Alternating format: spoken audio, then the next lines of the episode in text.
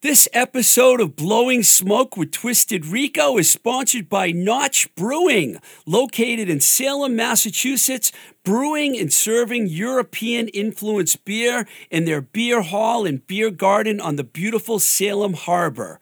Notch is in the process of putting the finishing touches on their second and new location at 525 Western Avenue in Brighton, Mass., just minutes from downtown Boston.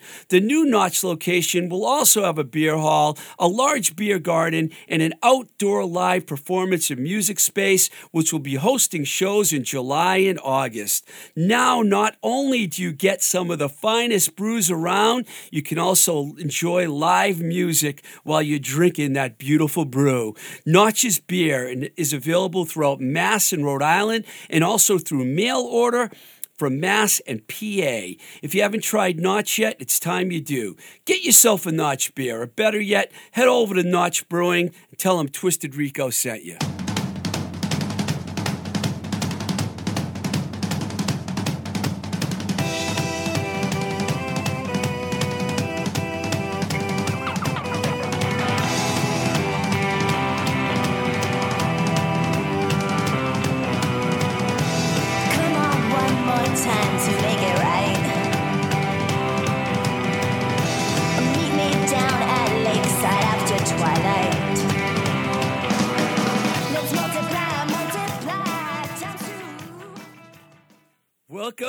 Blowing Smoke with Twisted Rico. I'm your host, Steve Ricardo. So, how's everybody doing out there? It's good to see that things are finally opening up again. Tours are being booked left and right. It's going to be one hell of a summer, and then the fall, forget about it, as they say down in New York. There's going to be shows going on everywhere. It seems like a, every other day there's a new tour being announced.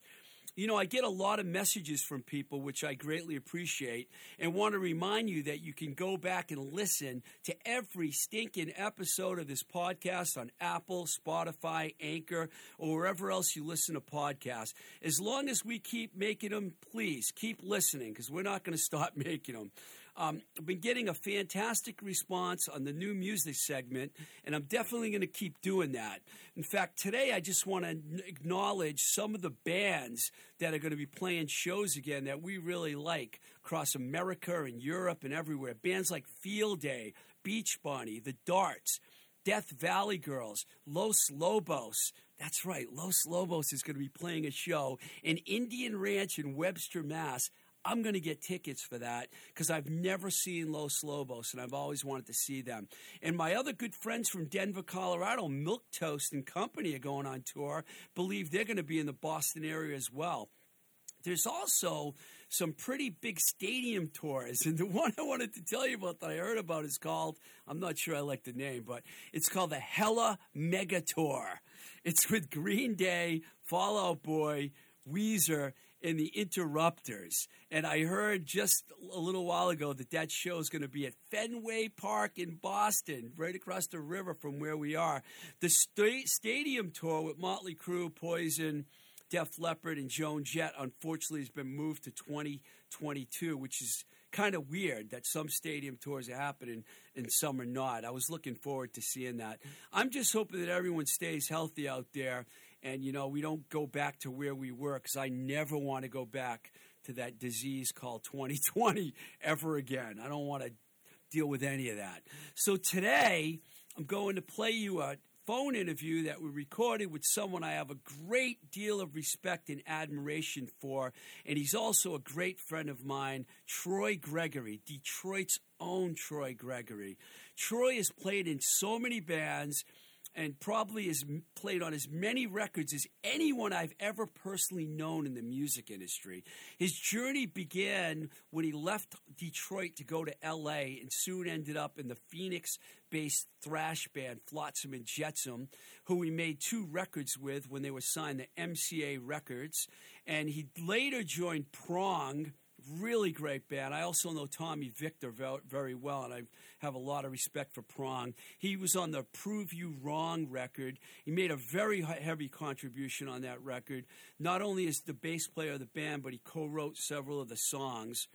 From there, he played with the Swans on their Love of Life record, and then spent years with the Dirt Bombs, who are regarded as one of the best live bands in America.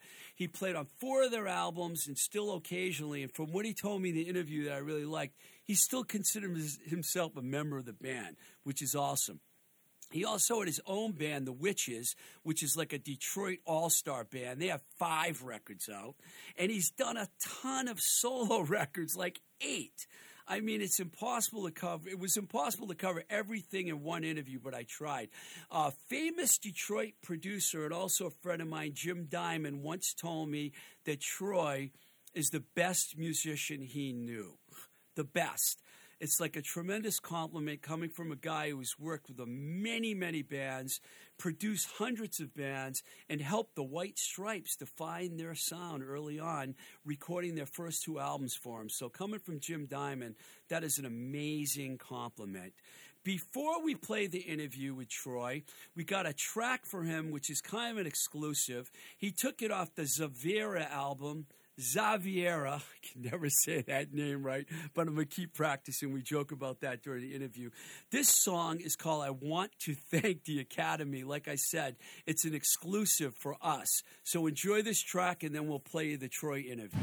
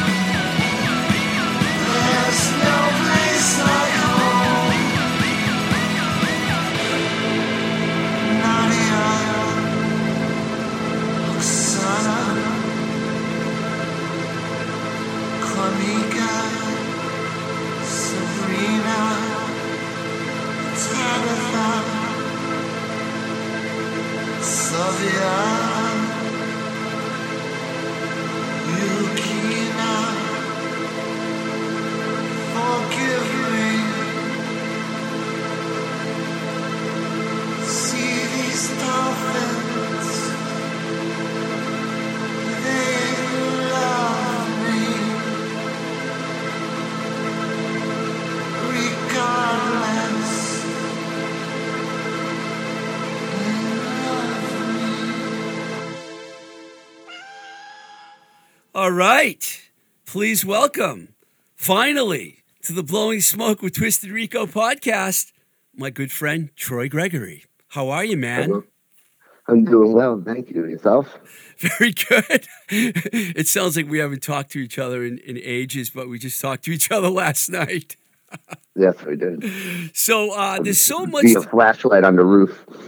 So I just played Xaviera. I want to thank the Academy, which I think is probably the first time anyone's ever heard this excerpt from the double album. Am I correct in saying that, Troy?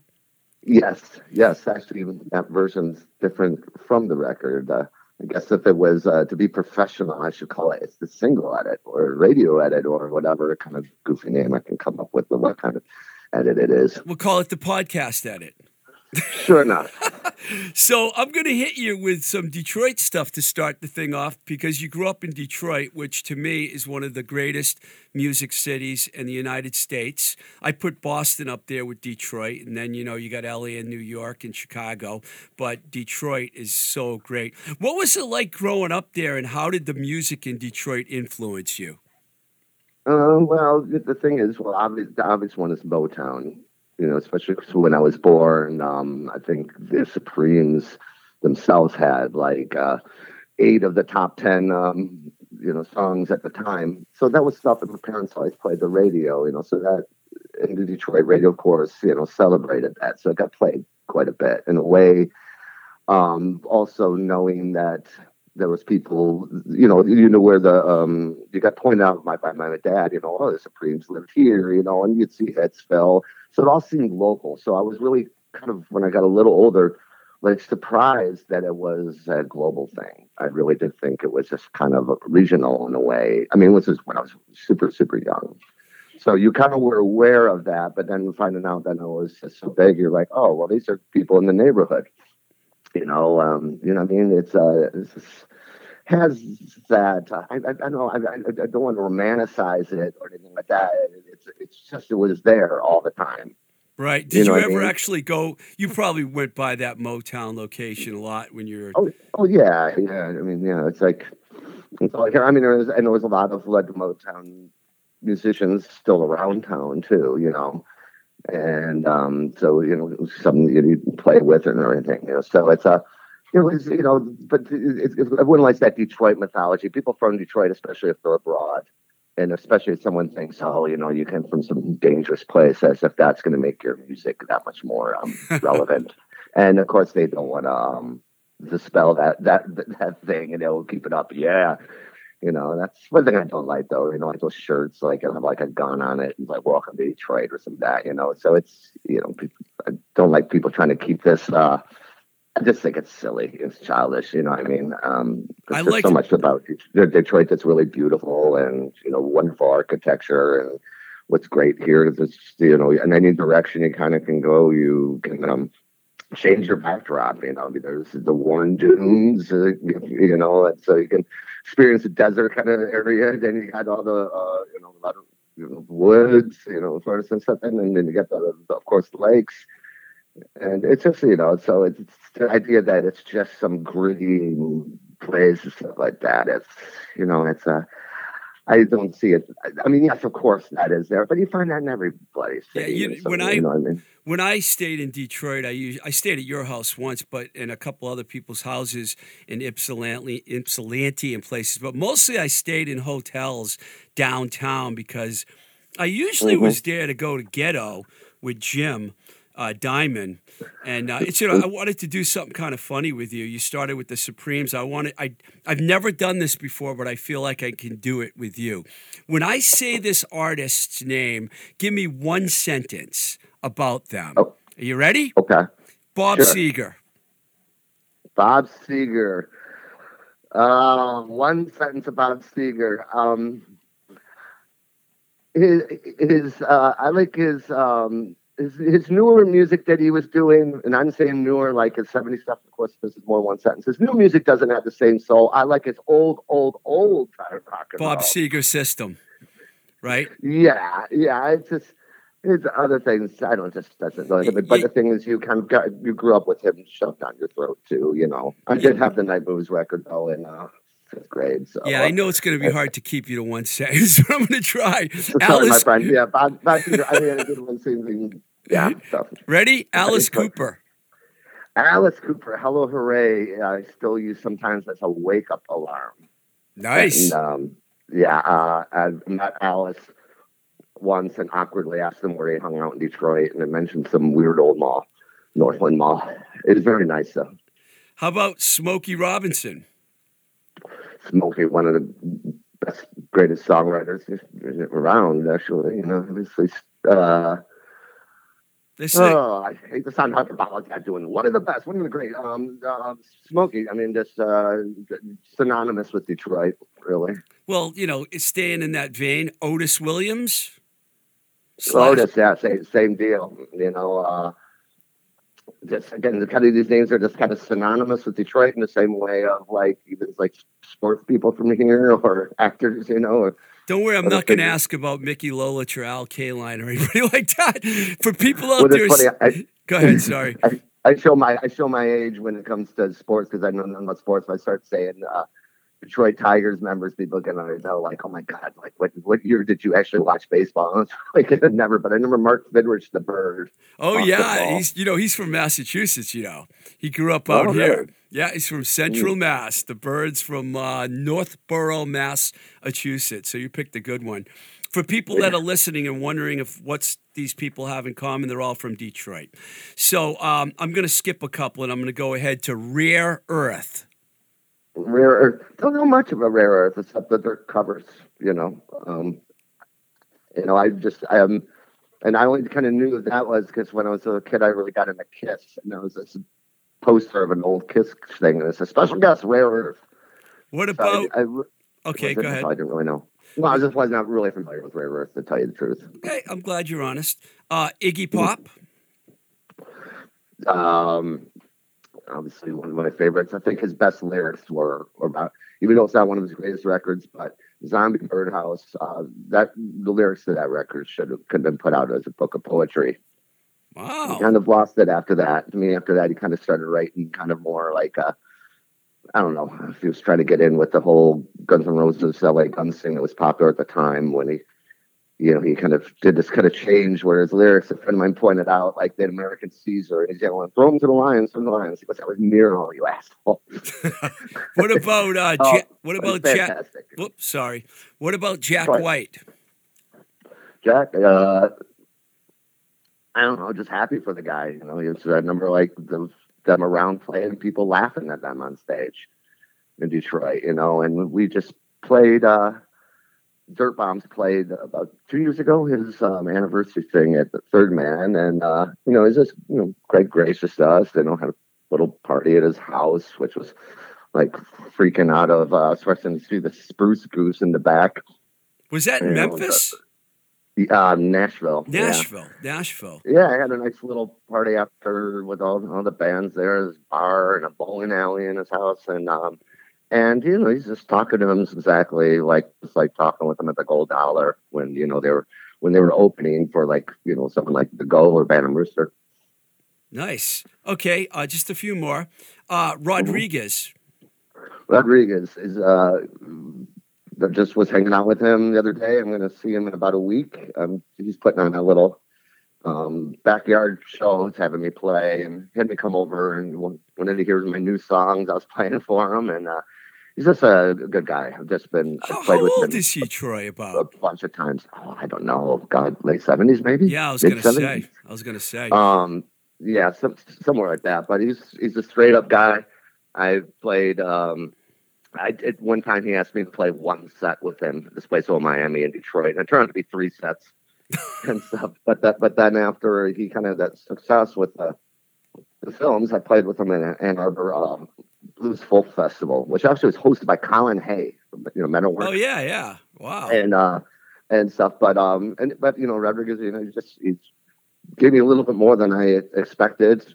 And you know, and he said, well, you know, he remembered that free set thing that I did, and you know, so you know, I love that doc- guy. I love the documentary. Uh, just two more. Jim Diamond. Yeah. Jim Diamond. Have not talked to Jim in a long time. Recorded so many records at his studio. So many recordings, whether it was my own or someone else's I played with. He played in the Witches for a while too. Um, I haven't seen him a while. I'd like to talk him, talk with him, you know. Um, but I don't keep in contact with people very well, and so he's doing good. His name will come up again. Uh, one more, Matt Smith. Matt Smith. I met Matt on my friend Michelangelo's porch because uh, uh, Matt was a couple grades ahead. He was in my brother's grade, and so was Mike. And Mike, I, I mentioned you, Mike plays drums for Flogging Molly now. He used to be in the Flogging Molly, Rooster, Meanies, uh, Speedball. Um, but yeah, Mike, uh, we were sitting on his porch and we are listening to the eight track of Black Sabbath. We sold a soul for rock and roll. I was probably up in sixth grade, and those guys were like an eighth. Or, and Matt showed up, um, and he had under his arm Trout Mask replica, West Bruce and Laing and Rainbow live on stage. And he and, and that uh, was when you were in the eighth grade. Uh, they were in eighth. I was about in sixth. Wow! And uh, so Matt was like had the because he was the only child had um, tons of records and stuff. His mom and his mom were still quite poor living in this little apartment, but it was he had so so many records. So he's the one actually kind of was supposed to be to like yeah to like Captain Beefheart. I'm a like that, huge that. Yeah I'm a huge outrageous Cherry fan, so I had to ask about them. So um, yeah, we've done so many projects together, me and Matt. I mean through the years, you know, it's uh it's but uh I haven't talked to him a lot. Another person I should give you, a ring to. You actually introduced me to Matt one time when I was out there at a super birthday show, and I'll never forget that because I was like nervous. I get nervous about certain people. When I was friends with Kim Fowley, rest in peace, and we talked on the phone a lot, he talked about Matt Smith all the time. He loved Matt Smith, he loved Troy Gregory, he mm. loved Jim Diamond, he loved all you Detroit guys, Eugene Strobe he was really into the Detroit guys. And he kind of got me more excited about Detroit. I ended up managing a Detroit band, the Gore Gore Girls, uh, right, soon right. thereafter. Okay, so let's go way back. What made you move to LA? And why did you make that move? I'm thinking you wanted to go out there to be a rock star, but tell us about that. When did that happen and what made you do it? Never, you know, it's funny. I'd never really wanted to be a rock star so much. You know what I mean? When I was really young, it's like you wanted to be like kind of like the Saturday morning cartoon things. I figured I'd have some friends, you, you know, and uh, animal that talks, and like you know, you go solve mysteries, and then you play play in a band, or you like the Monkees, you live on the beach, you know, that type of thing. I saw it like that. You know what I mean? It was never to like, oh, I'm going to meet girls or I'm going to make money or anything like that. It was uh, n- never really. So the LA thing though was um, because of the music school out there, Musicians Institute. I was debating on going either there or Berklee. And after I graduated, I took some classes at community college. I was doing drafting, which I hated, which my father was a draftsman. So I was able to get work doing it. And, um, but the thing is, and I was playing in a band and we are playing around Detroit. And just things like I rented out a four track for us and, uh, the guitar player disappeared for the weekend and just uh, like, uh, I was always trying to write original songs, and um, I always kind of got, well, who'd want to hear a song that you wrote? You know, I mean, it was always really. I had these friends that, if anything, did not ever want you to kind of move out of your the comfort zone of what they think you are or who you are. And uh, so this band and the people I hung out with, it just kind of just falling out with. It was all like, um, you know, you're oh, you're too ambitious, you know, that type of deal. Whereas this, I just was out of school already for about a year and a half, and things were just, you know, I thought I was doing stuff with the band and just relying on other people. And I said, "Fuck this." I and then it was like I wanted to go to the school there, and, and mostly because while I was heavily more just in the bass before I started really kind of getting other instruments. And Jeff Berlin was there. He had the Wrecking Crew people there, Tommy Tedesco, Hal Roberts, um, Joe Pass, you know, worked with uh, Billie Holiday and Charlie Parker was there you know so it, it, was just to go to the it was go to the musicians institute. And i'd never been to california. That was my very first time going there and didn't know anyone and before i left though i did get that whole oh you're going out there to be a wrestler. And I, before i'd get the oh do you know the competition out there? And, or do you know the suicide rate? And then, and stuff and the delusion and blah blah blah blah well your life really your life would have been completely different if you would have picked the Berklee school of music in boston instead of la you might have been in like you know I mean, I Yeah. know when it didn't take very long before you got out there that you started auditioning. Now, I know you auditioned for a very famous band, but you didn't get that part and you ended up in another band. Why don't you tell the whole story about Flotsam and Jetsam and how you ended up in them? They were Oh. signed to MCA Records, so you ended up on a major label pretty fast. They were on Elektra first because it was like, well, that was, you know, I went to the school and weird little things happened like at the school. Like I didn't actually go out to seek auditions or nothing. It really, my whole intention 100% was to go to the school. I didn't even know how you got auditions or anything like that, you know? And um, right almost the first week I moved there, there was a guitar show and I sat, I was picked up a bass and started playing it. And this guy says, and you know, I'm a kid, so I'm showing off. And the, um, the guy there has told me, hey, if you stay at this booth and play, I'll give you a free set of strings. So I'm sitting there playing, and I look up, and um, Rudy Sarzo is standing above me, and, and and he's like, "How old are you?" And um, and I looked like I was 15. And then he gave me his number, and he said he was trying to find me a band to be in. I talked to him a couple times on the phone. Nothing really materialized because all of a sudden he got really busy. He's like, "Oh, I just I just joined Whitesnake," you know that type of thing. But that was really kind of him, you know, to try to help out a kid like that. That Metallica thing, though, that was a guy I knew had the audition. I didn't, like I said, I never even thought about having an audition. And he wanted my help to help him learn the audition songs. And then I just drove with him to San Francisco, so he had someone to drive with. And then I just ended up going to the audition itself, where he was like, "Oh, you don't go." I'm like, "I don't even have a bass," and I didn't.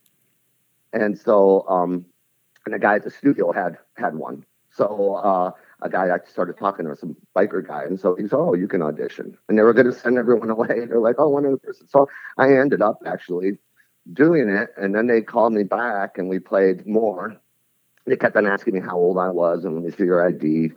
I didn't drink at the time. They thought that was odd and everything. But I jammed with them the whole day, then talked with Lars. And then he, I didn't have a phone, so he gave me his number. So I'd call him from a payphone when I got back to LA. And I didn't bring the records with me when I moved to LA.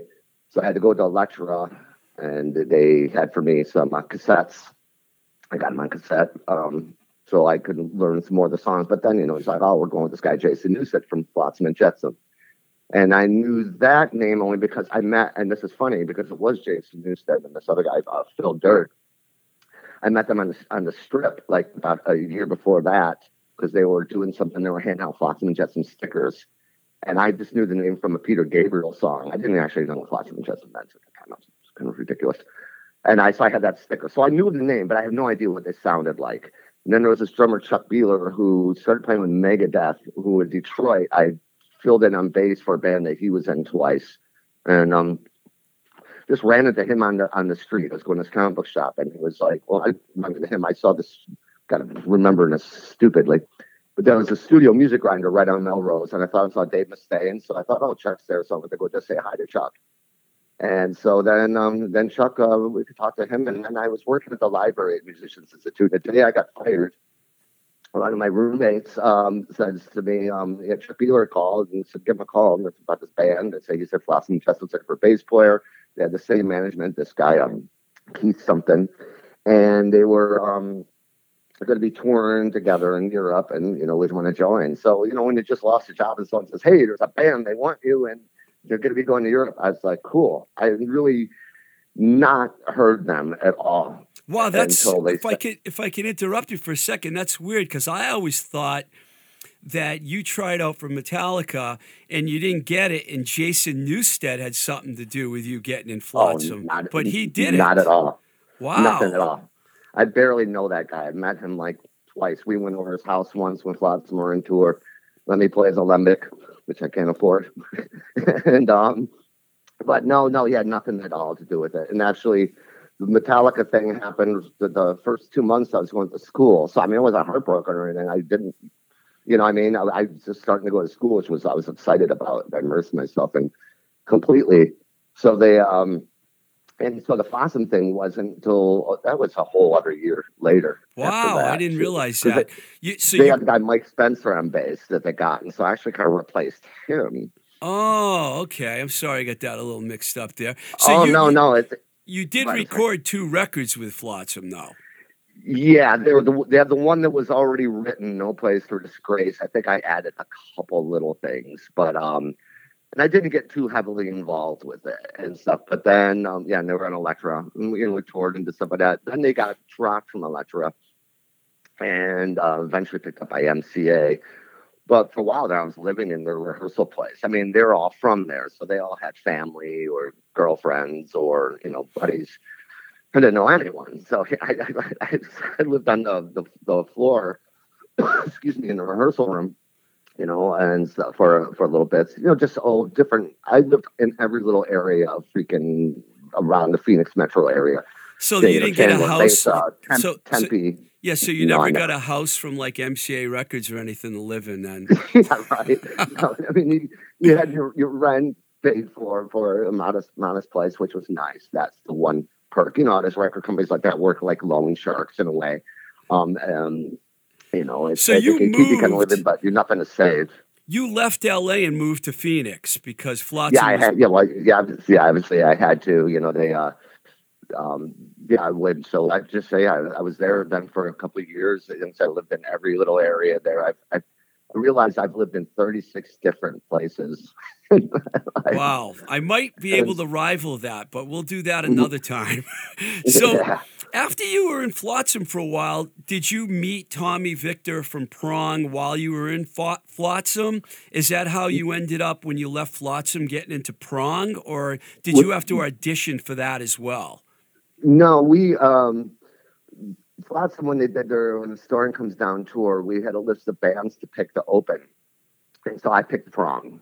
Wow. And and then and I and Prong I was just because I read an article one about them and I heard that there was like a little bit of killing joke in them and I knew that Ted Parsons was in Swans.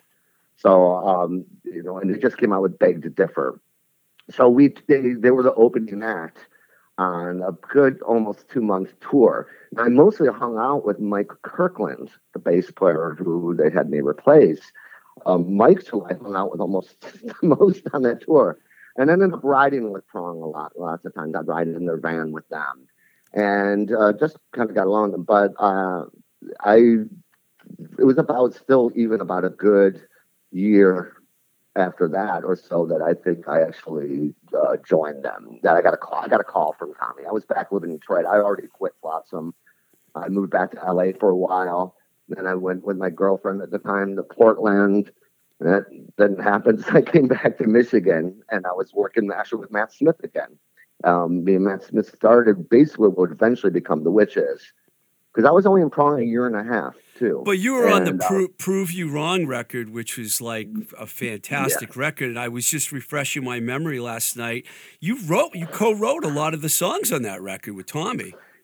Yeah, yeah. Well, there was a lot of stuff that they had written, but then there were some some things I wrote with Mike, and they wanted some newer things. So I had a couple things. I started with Matt Smith. This one piece that ended up being the song called "Hell If I Could" on uh, "Prove You Wrong" was something I actually started with Matt, um, and I just kind of brought in. So yeah, I got I did some some of the writing and uh, some of the vocal stuff because Mike would sing sometimes too. Except, um, you know, it's more, you know, the, the, the kind of scream Yeah. and everything and everything uh kind of voice but like it was uh yeah that was uh, a while after uh, after flotsam. I was kind. it's funny because i read the thing of like quit flotsam and join Prong like it was like this decision. And it's weird because i don't really have much of a plan. You know what i mean? It's like you're saying like like for la and for flotsam and for Prong all these things just kind of fell in and kind of happened. They definitely weren't things i was seeking. You know what i mean? And Right. stuff. It was just doing just doing my thing. And the funny thing is, is I can kind of kick myself because around that same time when Tommy asked me to join, I was working on songs that would eventually become the Witches. Uh, I got a call from MCA, uh, Teresa Ensign, uh, the, you that was an awesome person. Said they were keeping me on as a solo artist, and if I needed money for demos or anything like that, but I was so insecure about being on my own you know, I took Tommy's offer. And then another Wow. weird thing I found out from Kim Thayil and Chris Cornell told me that they were going to ask me to join Soundgarden because after they after they uh, got rid of Jason, um, but then they found out I joined Prong two weeks before. Timing, man. Isn't that funny? timing, is a funny thing. So, uh, what Yeah. happened with Prong? Because you only was you stayed with them for one record, and then did you just? I mean, you mentioned earlier that you like to take chances and do different kinds of things. Is that what happened with Prong? Because they were pretty one dimensional. Um, actually, um, I thought that Prong had a little more depth in a lot of a, a lot of ways, so that that wasn't always apparent, maybe. Um, and I think oh, I I liked the band and I liked them. New York was just kind of like again like Phoenix again a place where I didn't really know anyone. I stayed all over the place. I mean, I was on. I was in Ridgewood, I was in Williamsburg, I was in Carroll Gardens, and then I was like in the city. I'm down in about south of Houston, you know, down there on Ludlow Street, and I'm 14th Street, then I'm on 144th Street. You know, it's I was boxed around everywhere because you know it's hard to find jobs too if you're going on tour in a couple weeks and it's so sporadic. So, um, and so I spent most of my time at the bar, the coffee shop, or taking walks. And uh, the last prong tour, we over toured that record. We did a tour that just didn't go well. And me and Tommy butted heads on it. I mean, we're, we're fine now, but we did. And then I was I was writing this like and stuff that became more like the witch that became the witches. And I was writing things that weren't set in a very um, um, angry, for lack of a better word, uh, no, that's not right, right? Because some of the shit I was doing with that. I don't know. I just wanted a different feel that was more than like and every song's got a distorted guitar or a- angry. And I was just writing this other stuff that I knew that they couldn't do. And I'd bring in songs. I'm like, oh, we can't do that. We can't do that. And then because we butted had so much of that last tour, and I was just drinking so much, and living off of the street food, just not taking care of myself. You know, being people thought I was on actual drugs you know, which I never got into really. And so I just, every time I came back home to visit my parents, I'd get together with Matt Smith and we'd go down to Detroit and there was something about the Cass Corridor scene. I'm like, just, just felt vibrant. And I wanted that. So that's why I left Prong. And I even told them I'm leaving at the end of this tour. Until I actually did it, they're like, oh shit, you really did, you know. So Caused some problems you know, too, but you know. I was I, I I counted, and I could be wrong, that you play on at least thirty-two albums, according to Wikipedia, and that's pre Super Birthday, which was a band that you had going for a few years. But where did the Swans fit into this? Because I thought after Oh. Prong, you were in the Swans, and you played on their. Love of Life album. That was during while I was in Prong. Um, Oh, okay. Because Michael Michael Gira um, used to drink at this bar that I drank at, uh, Horseshoe Bar, 7B. Oh yeah, I know that uh, place. I know that place. Yeah. So I would talk to him various times. And um, actually, my Matt Smith was somehow got in touch with him, and Matt was supposed to play in the Swans thing. But the recording he gave Mike had me playing bass on it. Matt was playing guitar.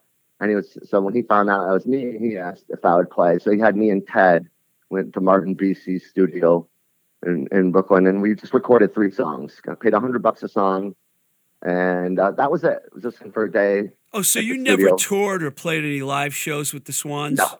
Oh, no, just okay. one record. It's kind of like you know we were saying about all the records. It's funny because I looked at Wikipedia thing, and they're short, tons of records, tons of singles too, tons of things. There's no mention even of any film soundtrack stuff I've done or anything like that. It's pretty incomplete. Just to complain for a second here. Oh, that's But, um, okay. I mean, I think 32 albums is pretty impressive if there's more than But, that. uh, I mean, But uh, yeah, it's um. But apparently, wait, wait, wait, what, was your question? I trailed off there for a second. uh, although you answered it, I thought that you actually joined the Swans as a member. No, but oh, this, yeah. yeah, This is what I want to say. It's kind of like also I hear I see things like he played with Spiritualized. The thing with Spiritualized was Bert Dirt Bombs. We were in England.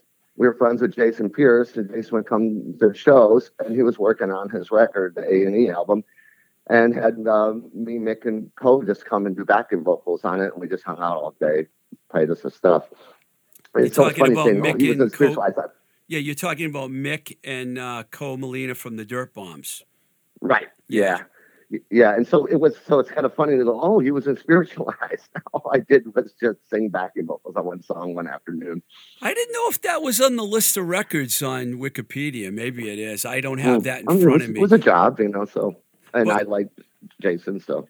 Yeah, but one thing I did notice and counted is that there are five Witches albums and four Dirt Bombs albums. I want to talk about the Dirt Bombs for a minute before we talk about the Witches because at one time, I remember Spin Magazine had the top 10 live bands in the world, and it was an outrageous list. It was like the E Street Band, Green Day, you know, all these bands, and then the Dirt Bombs were on that list. And I believe yeah. you were in the band at the time that that came out because when I saw the Dirt Bombs live, I would agree it was probably one of the best live bands that I'd ever seen. It was the two bass, two drum setup that you guys had going that really blew me away. I saw you guys in Phoenix, and I saw you one oh, other right. time. Um, yeah, that was that. Probably the best show I ever played was with them in, in Barcelona. Um, Barcelona. Drove, like, yeah, we drove like 18 hours from um, the previous gig. I think it was in Croatia to, uh, to well, however long it took us there, and we wanted to get to the festival a day earlier because Iggy and the Stooges were playing it and everything. And uh, it was funny because I remember telling my brother about this festival. I'm like, oh, the festival, it's got Iggy and the Stooges are playing, um, Psychic TV, uh, Echo and the Bunnymen, Humanly, uh, New Order. My brother goes, what the fuck you throwing in a time machine? and, but, um, yes, but yeah, Dirt Bombs, I left the band four times and joined five. I, you know, I, am not and, even sure. Are you still in the Dirt Bombs or not? Yes, I'm. I, am back. I'm back in. I joined back in when they when we played the Metallica Orion Festival thing. Um, Mick, I told Mick I wanted back in, so he got me back in. So well, the lineup, I, yeah, the lineup I saw was just absolutely fantastic. I thought you and uh, Ko, like you, you replaced Jim Diamond in the Dirt Bombs, pretty much, right? Well, first, uh, a couple times, me and him were in the band at the same time. Wow. I played fuzz too for for for them too, and then so sometimes we were at the same time. Then was me and Ko. Then sometimes it was Ko and Jim it was interesting because I was in so many other bands. I was still doing the Witches. I was doing the Sisters. I was playing with the Tender Mare. Uh, I was doing the soul stuff. So it's like if something got busy and they had a tour, I, and I couldn't do it, you know, they, you know, someone else would do it. But uh, I did a, probably the long. I guess I'm in the longest lineup of the of the Dirt Bombs, and it's that lineup again. But we, yeah, everyone's scattered around the globe. Patrick's in Australia, and um, Mick's in New York and Ben's in Nashville. Ko's the only one here still in Detroit. Ko Melina. but actually, I just did a recording with with uh, Mick uh, via the electronic mail. Um, we did a cover of uh, "Fish Ain't Biting" from um, oh God, um, Detroit guy. What's the name? I can't figure. Was the cover we did? I don't, I don't know if that's ever gonna get fish ain't biting. What the heck? I well, can't remember. Who. I'm actually glad that you you're still. Oh, Lamont Dozier wrote it. Sorry. Okay. Sorry, I'm mm-hmm. I'm I'm happy that you're you know still or back in the dirt bombs because I always talk about how to me they're like the greatest garage rock band in America and I sincerely mean that. And the funny thing about it and I'm looking this up so I'll get the name right.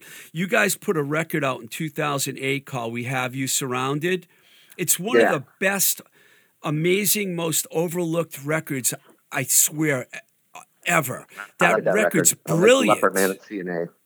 It, it's yeah. I, I, go ahead. I'm sorry. I keep on interrupting you. We're talking over you. Sorry. Go ahead. That's all right. I wish you were in the room with me. I can't stand doing phone interviews, but you know, that's the. You're in Detroit. I'm in Boston. But you know that record. I feel like listening to your solo stuff the more recent stuff even. I feel like you probably had a little bit of an impact on that record. Did you have a lot to do with that record?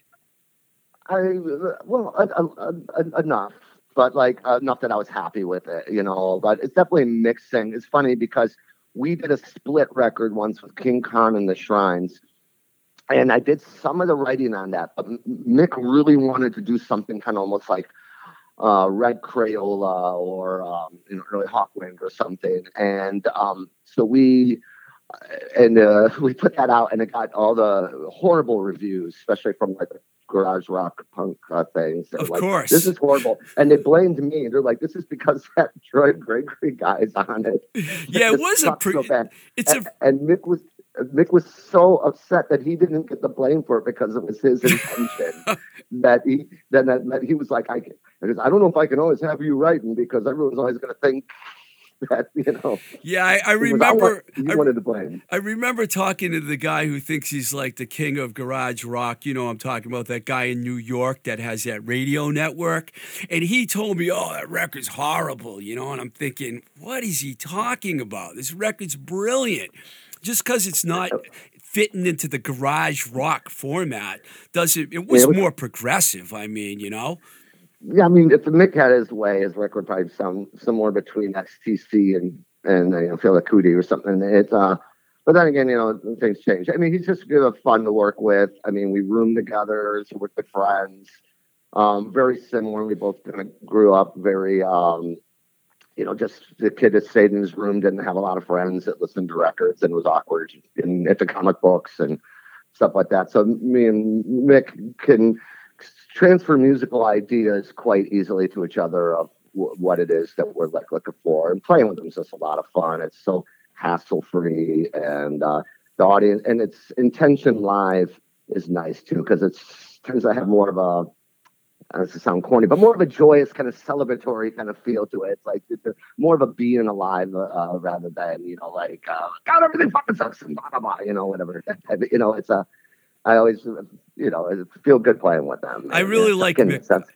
I like Mick Collins. You know, the Gories were a great band too. You surround yourself with like, you know, Matt Smith, Mick Collins, Jim Diamond. You know, these are really great musicians, and they can make records. And like you, like when you your solo records, and we haven't even got to that yet. You have eight solo records, I think, and a ninth one on the way, which is unbelievable.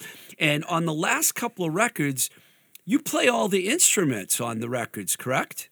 Yes.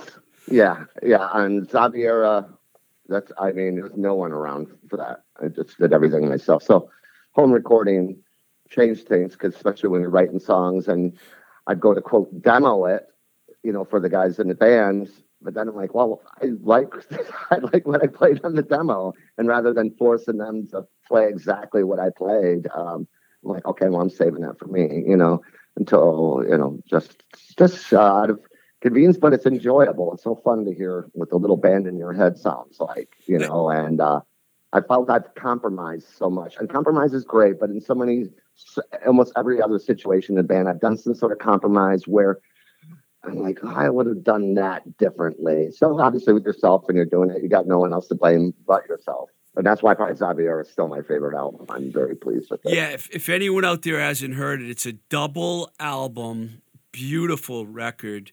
I mean, it looks great, sounds great. You play all the instruments, sing all the songs. It's a concept record, basically, right? Yes, it is. Yeah, yeah. About a, a, a woman that who's been um, a method actress since she was a child. Started started on a soap opera. So her first 14 years of life, she was uh, method acting, and, and her mother played the mother too. It was a whole story, and she's a method actress too. But then the mother got a job doing a, a, a film version of the Peregrine, and so she thought she was a bird. I don't know how you come up with this stuff, dude. I got to tell you, man. Oh. You really took me by surprise when you sent me that you uh, you were sending me advanced tracks of it and I was listening to it and it was like the songs were like all really long and it uh, you know Steve Hackett and Roxy Music and things like that would come into mind and I'm thinking right. wow this is like so progressive and you got a really good response didn't you um, from very few people that heard it. Yeah, the label did not send it out, didn't do any promo, nothing, absolutely nothing. So if anyone does know that record, it is, uh, it's uh, odd to me, it's like a message in a bottle. Well, the package, but, but, but, the people effort has been nice. You know, if you can, if you're the artist and you get the label to do the packaging that you want, that's a really important aspect of it. And that packaging is just worth the price of the record alone. It's beautiful. That was the nice thing too, because I designed that, and I've designed stuff before for the record stuff and someone going, "Oh, we're going to change a little thing about it," and I always get something that looked worse, like the first Witches record. They're like, "Oh, we're going to have our graphics guys." So I was thinking optimistic. Oh, he's going to do something cool, and it was horrible, and it was nothing that I wanted. So this, I was very pleased because I I designed that. I did the dice and the cover, and um, and, and so I laid that on and said just exactly like this. So, and the only thing I had anyone really help me with is um, Anthony Lanu, who plays with me in Super Birthday, uh, just helped me with the typeset and for the lyrics, just making sure it was nice because he's a fun freak Speaking, and stuff. So, but I'm glad you like the packaging. Yeah, and I'm I love glad it. that they made it up exactly how I wanted it. It's exactly how I wanted it. Yeah, my friend, uh, my good friend Alvin Long, who's also a Detroit guy like you, he when I gave it to him and he checked it out, he was just like, "Oh my god, this thing is unbelievable." He was blown away by it because oh, he's like both of us. We like you know, early, early Genesis, Roxy Music, early King Crimson, you know, all that. I'm not, I don't never call myself a prog guy, but I do like the early progressive uh, metal bands, especially. Oh, yeah. Yeah, I got, when I got into Genesis, I really got into them. I, I got to meet Phil Collins and Tony Banks, Mike Rutherford before, and I met Steve Hackett once too. Like I was, was guys that show up to show with the records for them to sign, you know, that type of thing. Nice. You know, we, you know, I didn't backstage. And, and this is another guy didn't mention. I know you're a big fan of Geddy Lee from Rush. Yeah, he's one of my favorite bass players. It's him and Chris Squire, uh, James Jamerson, Geezer Butler, and but like some of Geddy's playing, I just absolutely love his bass sound. I was trying to get him to produce me because I thought we could work with a producer, and I'm like, well, you know, I've read a thing about him with uh, about uh, talk about vocal melodies. I'm like, well, I need someone to keep on my case with melody. And and I thought, when no matter what record he does, the bass always cuts through so nicely. So I tried like mad to get in touch with him, and I eventually he came around for his book, and I went, and I was going to hand him the album. I brought an album to give him, and I should have done that, but I thought, well, he's traveling, he probably doesn't want to travel the record. So I gave it to the guy at the store. Instead, I gave him a little thumb drive with it, which I'm sure he lost or didn't listen to, or he listened to it and hated. I don't know. And I tried to write him on the Instagram thing. I got a little, then I realized I'm becoming really obsessive and I've got to stop. Well, actually, I don't know if you remember this, but you got me with that obsession. And I reached out to Ray Daniels, Rush's manager, and I tried to get him on the phone. I got oh, his oh, assistant, and he she basically said, "Well, right now Geddy's too, working on his book, and he doesn't want it. They wouldn't even let me send them a copy of the record." And I was like, "You yeah. won't even let me send you a copy?"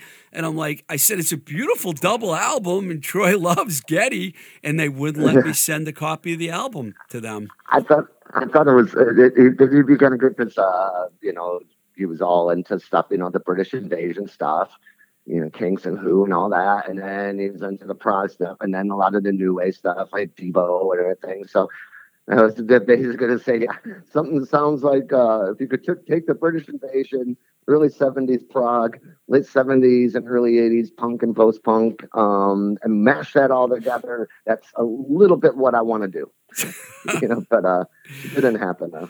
Okay, so, so I mean, the last thing I want to talk to you about is like uh, you. I know you got a new record coming out, and you mentioned to me there's a Beatles influence in your new unreleased music. Can you like elaborate on that a little bit?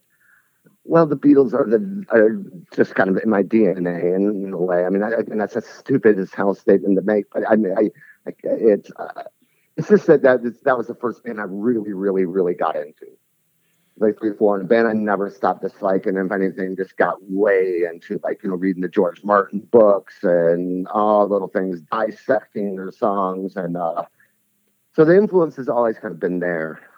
I mean, it has to have been there. It's just kind of been my kind of approach in I... a lot of ways because, because, and a lot of reasons too why I don't, you know, always get this, oh, why don't you stick to a genre that you're playing?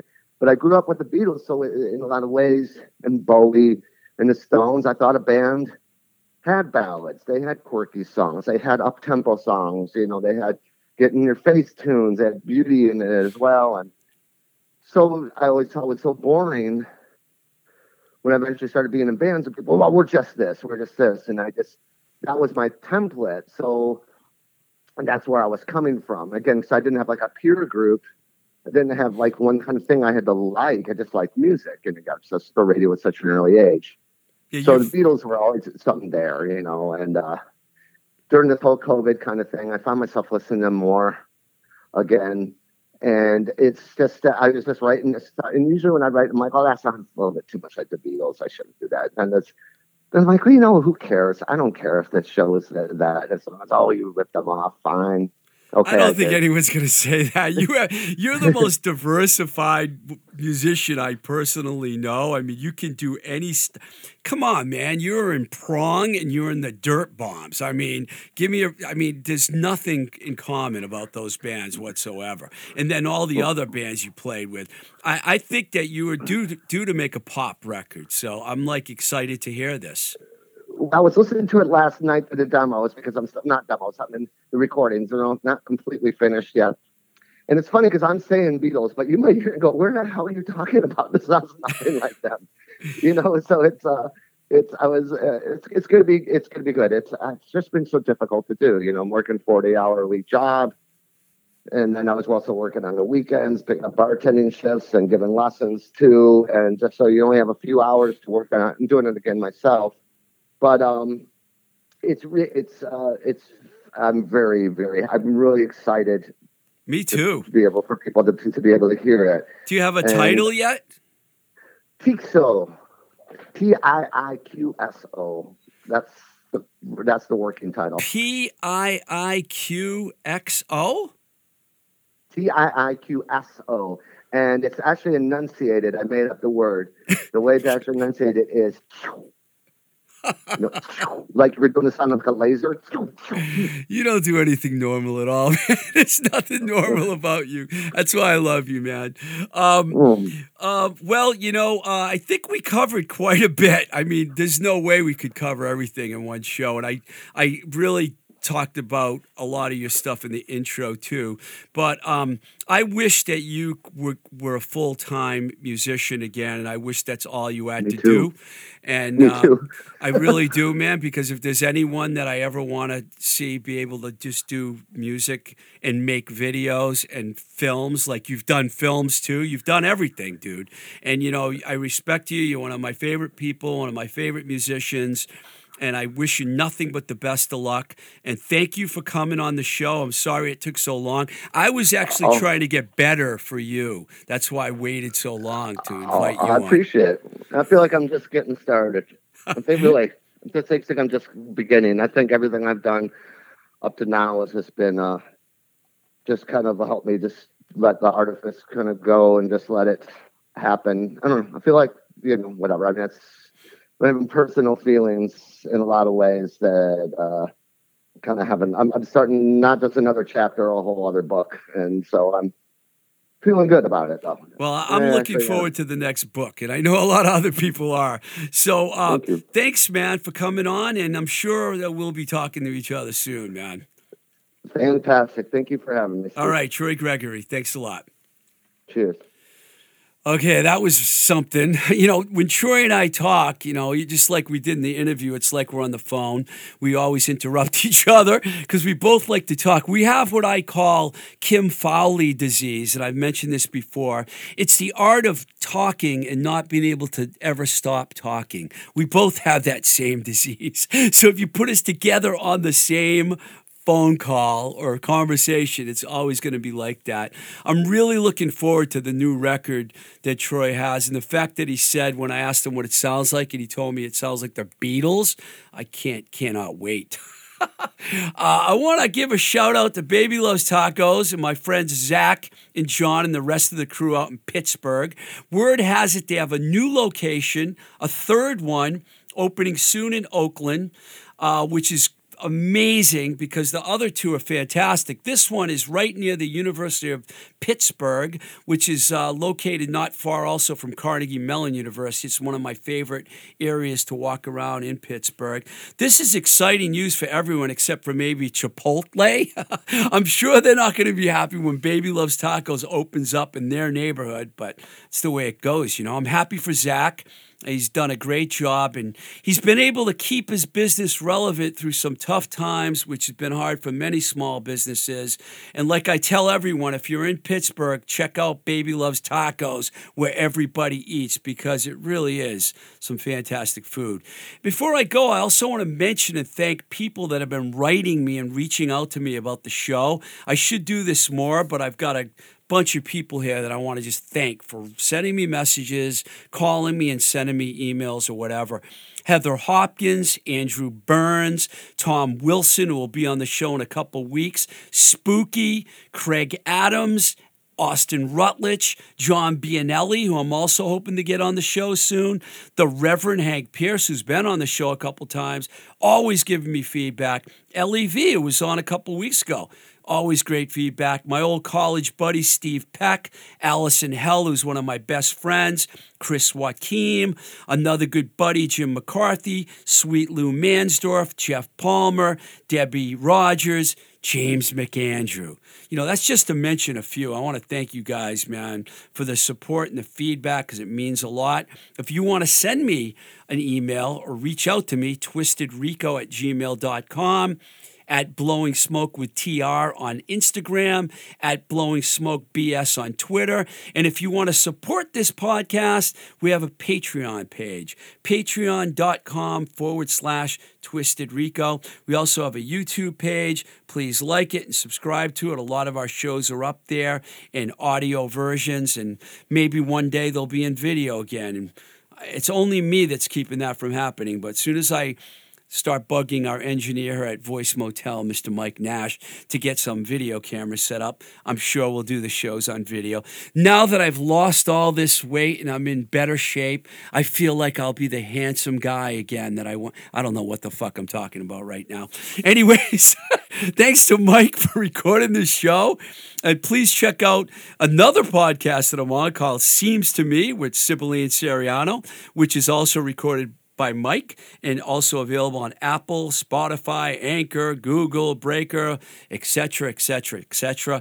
Till the next time we say goodbye, this is Blowing Smoke with Twisted Rico. I'm your host, Steve Ricardo. Keep the rock and roll alive and busy, Phillips. You know how much we love you.